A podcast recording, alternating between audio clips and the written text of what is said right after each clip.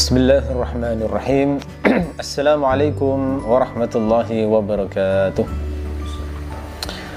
الحمد لله رب العالمين وبه نستعين على أمور الدنيا والدين والصلاة والسلام على سيد المرسلين وإمام المتقين نبينا محمد وعلى آله وصحبه ومن تبعه بإحسان إلى يوم الدين. اللهم إنا نسألك علما نافعا ورزقا طيبا وعملا متقبلا.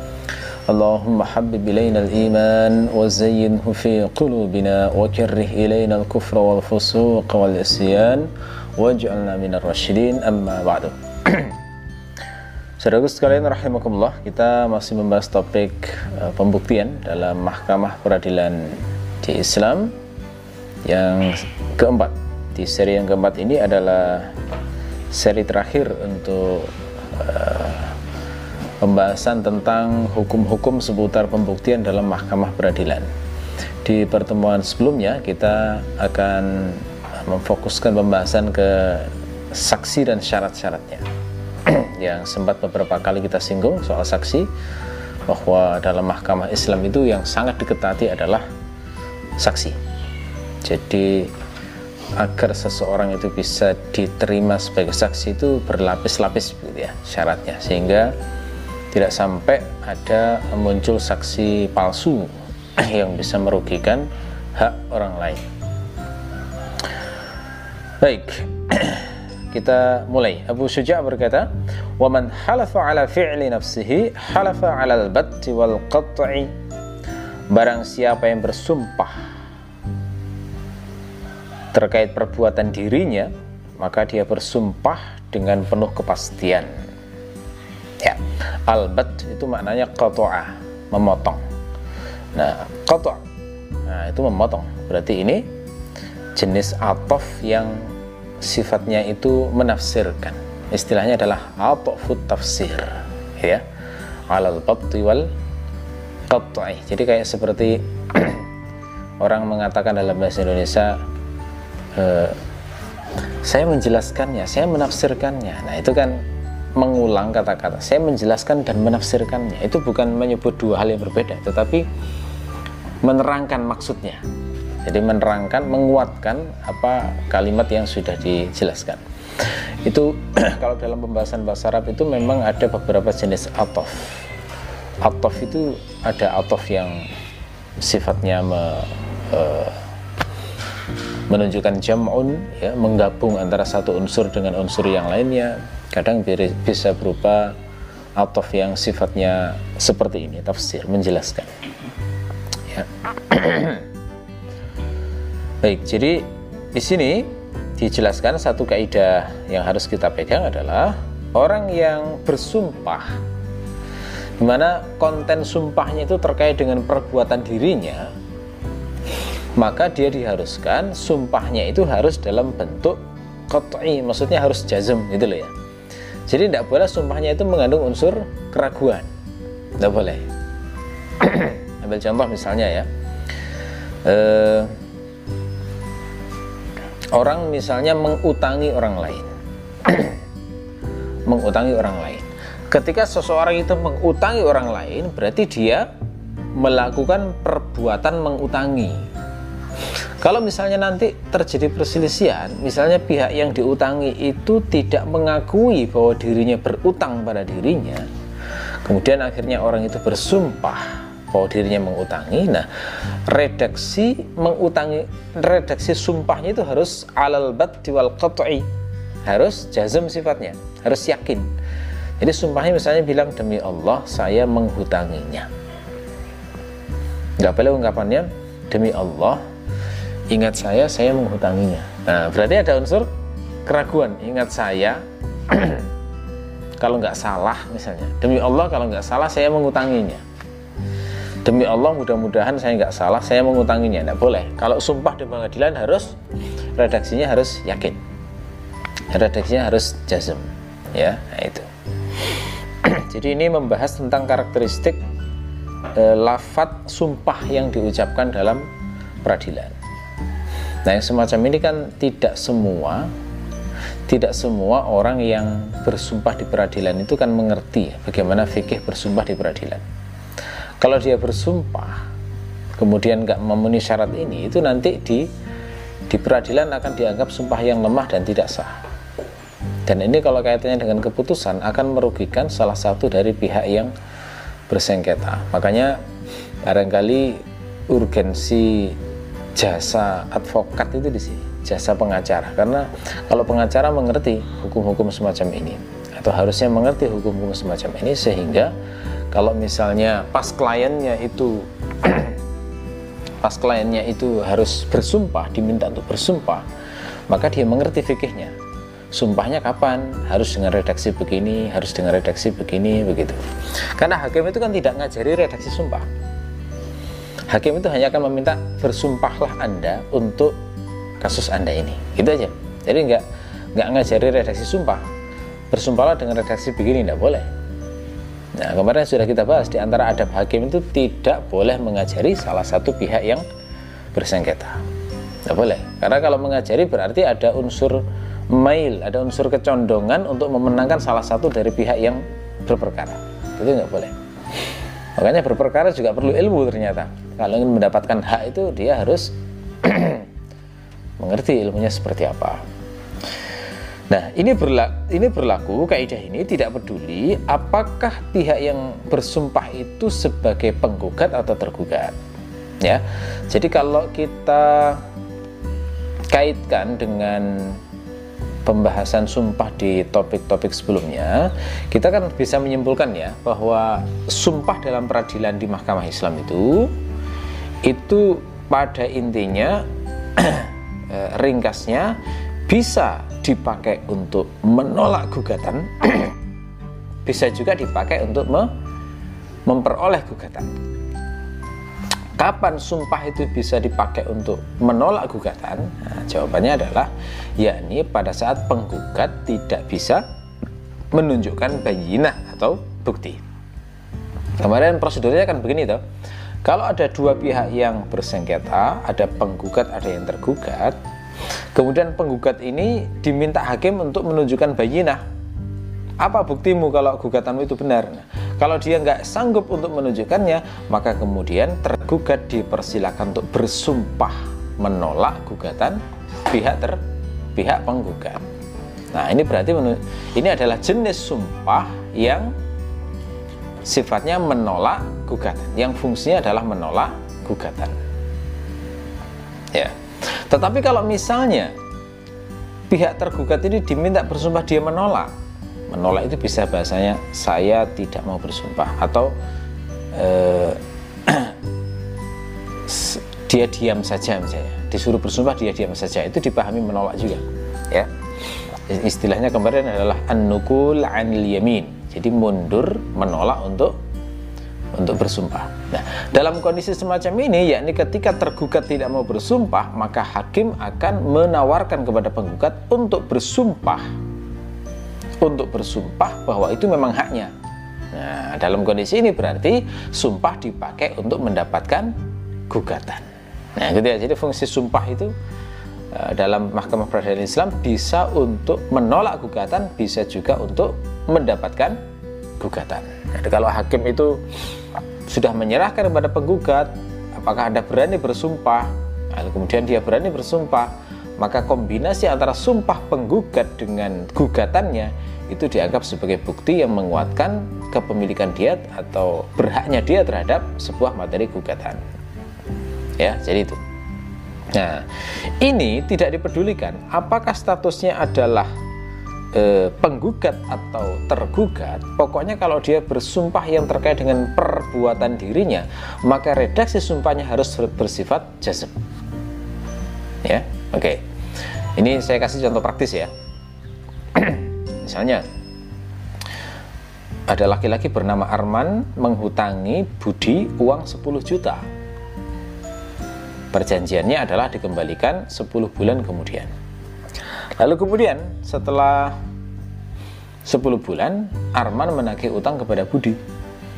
Budi mengingkari, loh ingat saya sudah saya lunasi atau dia mengatakan loh ingat saya saya nggak pernah utang padamu. Maka terjadilah perselisihan. Sehingga kemudian Arman membawa kasus itu ke pengadilan. Nah, di pengadilan ya di pengadilan hakim menanyai hakim menanyai eh, apakah Bu, eh, Arman punya bukti bahwa dirinya itu menghutangi Budi nah ketika ditanya punya bukti bingung Arman namanya bukti itu kan saksi. Kamu saat menghutangi itu ada saksinya enggak Arman bilang tidak ada. Terus hakim e, menanyai lagi apakah ada bukti tertulis? Ada nggak surat perjanjian yang menunjukkan bahwa kamu memang menghutangi Budi? Dia jawab tidak ada. Nah kesimpulan hakim adalah Arman tidak boleh punya bayinah bahwa dirinya itu e, bahwa dirinya itu memiliki e, piutang terhadap si Budi. Karena nggak punya bayina maka berarti sekarang bolanya dilempar ke Budi sebagai pihak tergugat. Budi apakah kamu berani bersumpah bahwa dirimu tidak pernah berutang? Gitu ya. Nah kalau misalnya e, seperti ini kasusnya kemudian Budi berani bersumpah nah berarti dia bersumpah halafa ala fi'li nafsihi dia bersumpah terkait dengan perbuatan dirinya. Nah, di situ dia wajib sumpahnya harus berbentuk redaksi yang jazm. Sehingga dia bersumpahnya berbunyi demi Allah saya tidak pernah berutang kepada Arman. Nah, gitu ya redaksinya. Oke. Nah, kalau misalnya kasusnya, kasusnya misalnya Budi ini uh, tidak mau bersumpah. Jadi ketika hakim bertanya, Budi, silakan kamu bersumpah bahwa kamu tidak pernah berhutang kepada Arman. Terus Budi mengatakan, saya tidak mau bersumpah. Saya tidak berhutang, tapi saya tidak mau bersumpah. Misalnya dia bilang begitu, ya. Atau dia diam saja. Ketika ditanya Budi, coba kamu bersumpah bahwa kamu memang tidak pernah berhutang. Dia diam, nggak mau, nggak mau ngomong. Nah, akhirnya kalau kondisinya semacam ini, maka berarti hakim menilai Budi telah melakukan an-nukul anil yamin. Dia mundur dari eh, hak sumpahnya tadi atau keharusan dia sumpah tadi. Nah, dalam kondisi ini, maka bola dilempar lagi ke penggugat. Ya, penggugat dipersilahkan untuk bersumpah bahwa dirinya itu menghutangi si Budi tadi. Jadi Arman diminta bersumpah bahwa dirinya memang menghutangi si Budi. Nah, ketika Arman ini bersumpah bahwa dirinya mengutangi budi maka berarti dia dikatakan halafa ala fi'li nafsi dia bersumpah ya, terkait dengan perbuatan dirinya nah dalam kondisi ini dia wajib untuk bersumpah dengan redaksi jazm jadi dia bilang ya demi Allah saya benar-benar telah menghutangi budi 10 juta nah begitu itu redaksinya ya tapi hakim nggak akan ngajari begini alal qat'i wal jazm ini tidak akan diajarkan. Jadi pokoknya diminta sumpah saja. Jadi seandainya misalnya sumpahnya si si Arman ini keliru misalnya. Si Arman sumpahnya demi Allah, ingat saya saya menyumpahi, ya, ingat saya saya menghutangi budi. Jadi dia tidak ada ada unsur tidak yakin semacam itu. Maka nanti hakim akan memutuskan bahwa gugatannya ditolak. Begitu. Ya. Jadi kalau misalnya uh, dia bersumpahnya dengan uh, redaksi jazm yang sifatnya pasti tegas nah maka berarti terbuk uh, si, si Arman ini punya bukti yang menguatkan gugatannya jadi gugatan plus sumpahnya maka itu sudah menjadi bukti cukup untuk memaksa Budi ini membayar utang 10 juta kepada si Arman. Nah, jadi itu maknanya makna dari halafa ala fi'li nafsihi halafa ala al-batti wal qat'i. Nah, dari contoh yang saya sampaikan tadi, berarti juga bisa disimpulkan bahwa sumpah terkait dengan dirinya sendiri ini yang diharuskan dengan redaksi jazm ini itu tidak membedakan apakah redaksinya itu isbat atau nafyun. Redaksi afirmatif atau sifatnya uh, mengingkari. Ya positif maupun negatif pokoknya bersumpah yang terkait dengan perbuatan dirinya maka dia harus dengan kondisi jazm gitu ya. Kenapa kok aturannya harus jazm ini? Ya alasannya adalah karena orang itu yang paling tahu dirinya sendiri. Nah, itu hukum asal orang itu adalah paling tahu dirinya sendiri. Jadi kalau dia bersumpah terkait perbuatan dirinya sendiri harus yakin, tidak bisa ragu. Gitu ya. Oke. Berikutnya waman halafa ala fi'li ghairihi halafa ala al-batti wal qat'i wa in kana nafyan halafa ala nafyi ilmi Barang siapa bersumpah terkait perbuatan orang lain, maka kalau sifatnya itu isbat, kalau sifatnya itu positif, afirmatif, maka dia harus bersumpah dengan redaksi yang sifatnya jazm, yang pasti, yang meyakinkan. Tetapi jika sifatnya menafikan, menegasikan, bukan afirmatif tapi sifatnya negasi, maka dia bersumpah ya uh, ya maka dia bersumpah dengan sumpah yang sifatnya menafikan pengetahuan ya. Nah, saya kasih contoh dengan kasus yang real banyak terjadi di masyarakat. Misalnya kasus perselisihan apakah harta yang ditinggalkan mayat itu adalah harta wasiat ataukah hibah ataukah harta warisan? Nah, ini kadang-kadang kan begini ya. Misalnya ada seorang ayah. Ada seorang ayah yang dia itu kaya raya ya. Eh, harta tinggalannya itu nilainya totalnya sekitar 5 miliar misalnya. Terus punya lima anak. Ya, lima anak ini eh, macam-macam kondisi ekonominya. Empat empat anak itu kaya raya semuanya tapi hidupnya berpisah-pisah. Yang satu anak ini kondisinya tengah-tengah bahkan cenderung uh, hartanya kurang tetapi tinggal bersama orang tuanya. Ya lalu kemudian ayah itu bilang pada anaknya yang tinggal bersamanya yang kekurangan itu tadi ya nak nanti rumah ini itu uh, tak kasihkan kamu wis. Gitu ya? Ayahnya bilang begitu. Yang rumah ini nanti uh, rumah ini nanti tak kasihkan kamu. Atau bilangnya bukan nanti tapi langsung. Ya rumah kini rumah ini memang sudah jadi jatah kamu tak kasihkan kamu. Ayahnya bilang begitu tapi ngomongnya gitu nggak ada yang tahu kecuali dia. Hanya anaknya itu yang tahu. Anak-anak yang lain nggak tahu juga tidak ada saksi bahwa ayahnya pernah bilang begitu ke anak. Anaknya bilang iya. Oh iya mah. Oh iya ya terima kasih misalnya. Bilang begitu. Lalu kemudian sang ayah ini wafat. Ketika wafat maka hartanya itu kan jadi harta warisan. Hukum asalnya kan gitu ya. Semua menjadi harta warisan termasuk rumah yang di yang yang yang redaksi yang diberikan kepada kepada anaknya tadi cuman tanpa saksi tadi. Nah di sinilah kemudian terjadi perselisihan. Saudara-saudaranya menganggap bahwa seluruh tinggalan ayah itu adalah termasuk harta warisan yang harus dibagi-bagi. Jadi nggak bisa langsung diberikan kepada si anak tadi. Ya, sementara anak tadi bilang loh, enggak ayah itu sudah bilang. Ayah itu sudah bilang bahwa rumah ini diberikan kepada saya. Gitu. Akhirnya kemudian masuk ke peradilan, gitu ya. Nah, peradilan ketika ke menangani kasus semacam ini, maka berarti menganalisis e, kasusnya di sini e, saudara yang berjumlah empat itu posisinya sebagai e, apa itu namanya penggugat atau tergugat begitu ya. Jadi kalau misalnya posisinya saudaranya tadi itu adalah empat saudaranya tadi adalah ingin memasukkan rumah itu sebagai harta warisan berarti posisinya sebagai penggugat. Yang digugat berarti adalah saudaranya yang yang satu yang merasa mendapatkan harta tadi. Gitu ya? Nah maka dalam kondisi ini hakim bertanya kepada empat saudara itu apakah anda e, punya bukti? Atau terbalik ya karena yang ditanya adalah bukti. Berarti yang menggugat adalah saudaranya yang mendapatkan harta tadi, gitu ya. Kenapa? Karena hukum asalnya harta itu ya ya warisan semuanya, begitu ya. Hukum asalnya harta adalah warisan. Berarti yang digugat adalah empat saudaranya tadi, begitu. ya.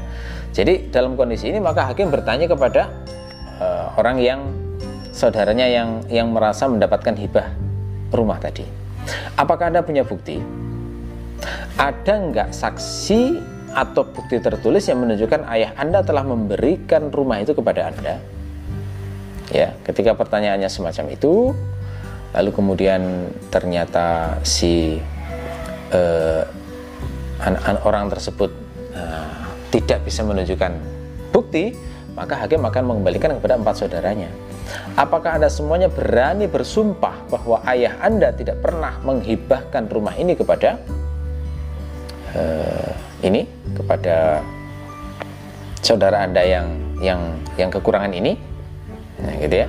Nah kalau misalnya mereka itu berani bersumpah maka berarti mereka bersumpah yang sifatnya menegasikan.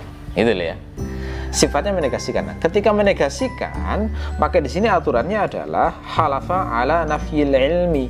Yang dinafikan itu adalah pengetahuannya, tidak boleh menafikan perbuatan orang lain. Jadi redaksi sumpahnya itu tidak boleh mengatakan saya bersumpah ayah saya tidak pernah memberikan rumah ini kepada saudara saya itu. Tidak boleh redaksi kayak begitu. Yang boleh bagaimana? Nah, dicontohkan di, di syarah kitab ini. Nah, misalnya di kitab Fathul Qarib dikatakan contohnya misalnya wallahi la a'lamu anna fulanan fa'ala kata. Demi Allah saya tidak tahu fulan melakukan ini. Nah, berarti redaksinya yang benar adalah demi Allah saya tidak tahu kalau ayah memberi rumah ini kepada saudara saya. Harus begitu redaksinya. Itu maknanya menafikan pengetahuannya terhadap perbuatan fulan. Tidak boleh menafikan perbuatan fulan. Gitu ya.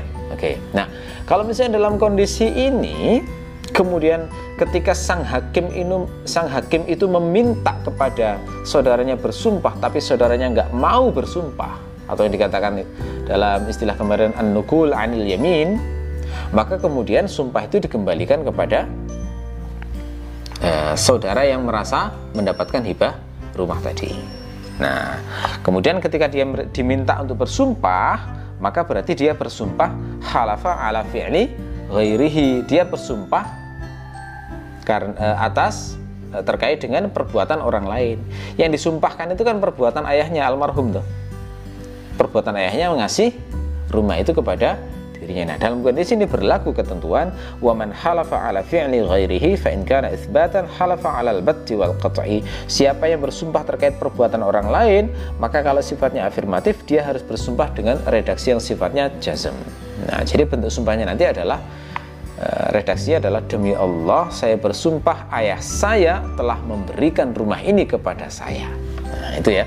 Sifatnya semacam itu. Jadi bersumpah terkait perbuatan orang lain ya itu jadi ini bedanya antara e, bersumpah e, terkait perbuatan sendiri dan bersumpah terkait dengan perbuatan orang lain semua ternyata ada ketentuannya ada fikihnya sehingga nanti kalau ini diterapkan dengan baik maka e, hasil keputusan peradilan itu nanti bisa di e, diputuskan dalam bentuk yang seadil-adilnya yang paling mendekati ketentuan syariat oke okay. Baik, mungkin sampai sini yang bisa saya jelaskan. Ya.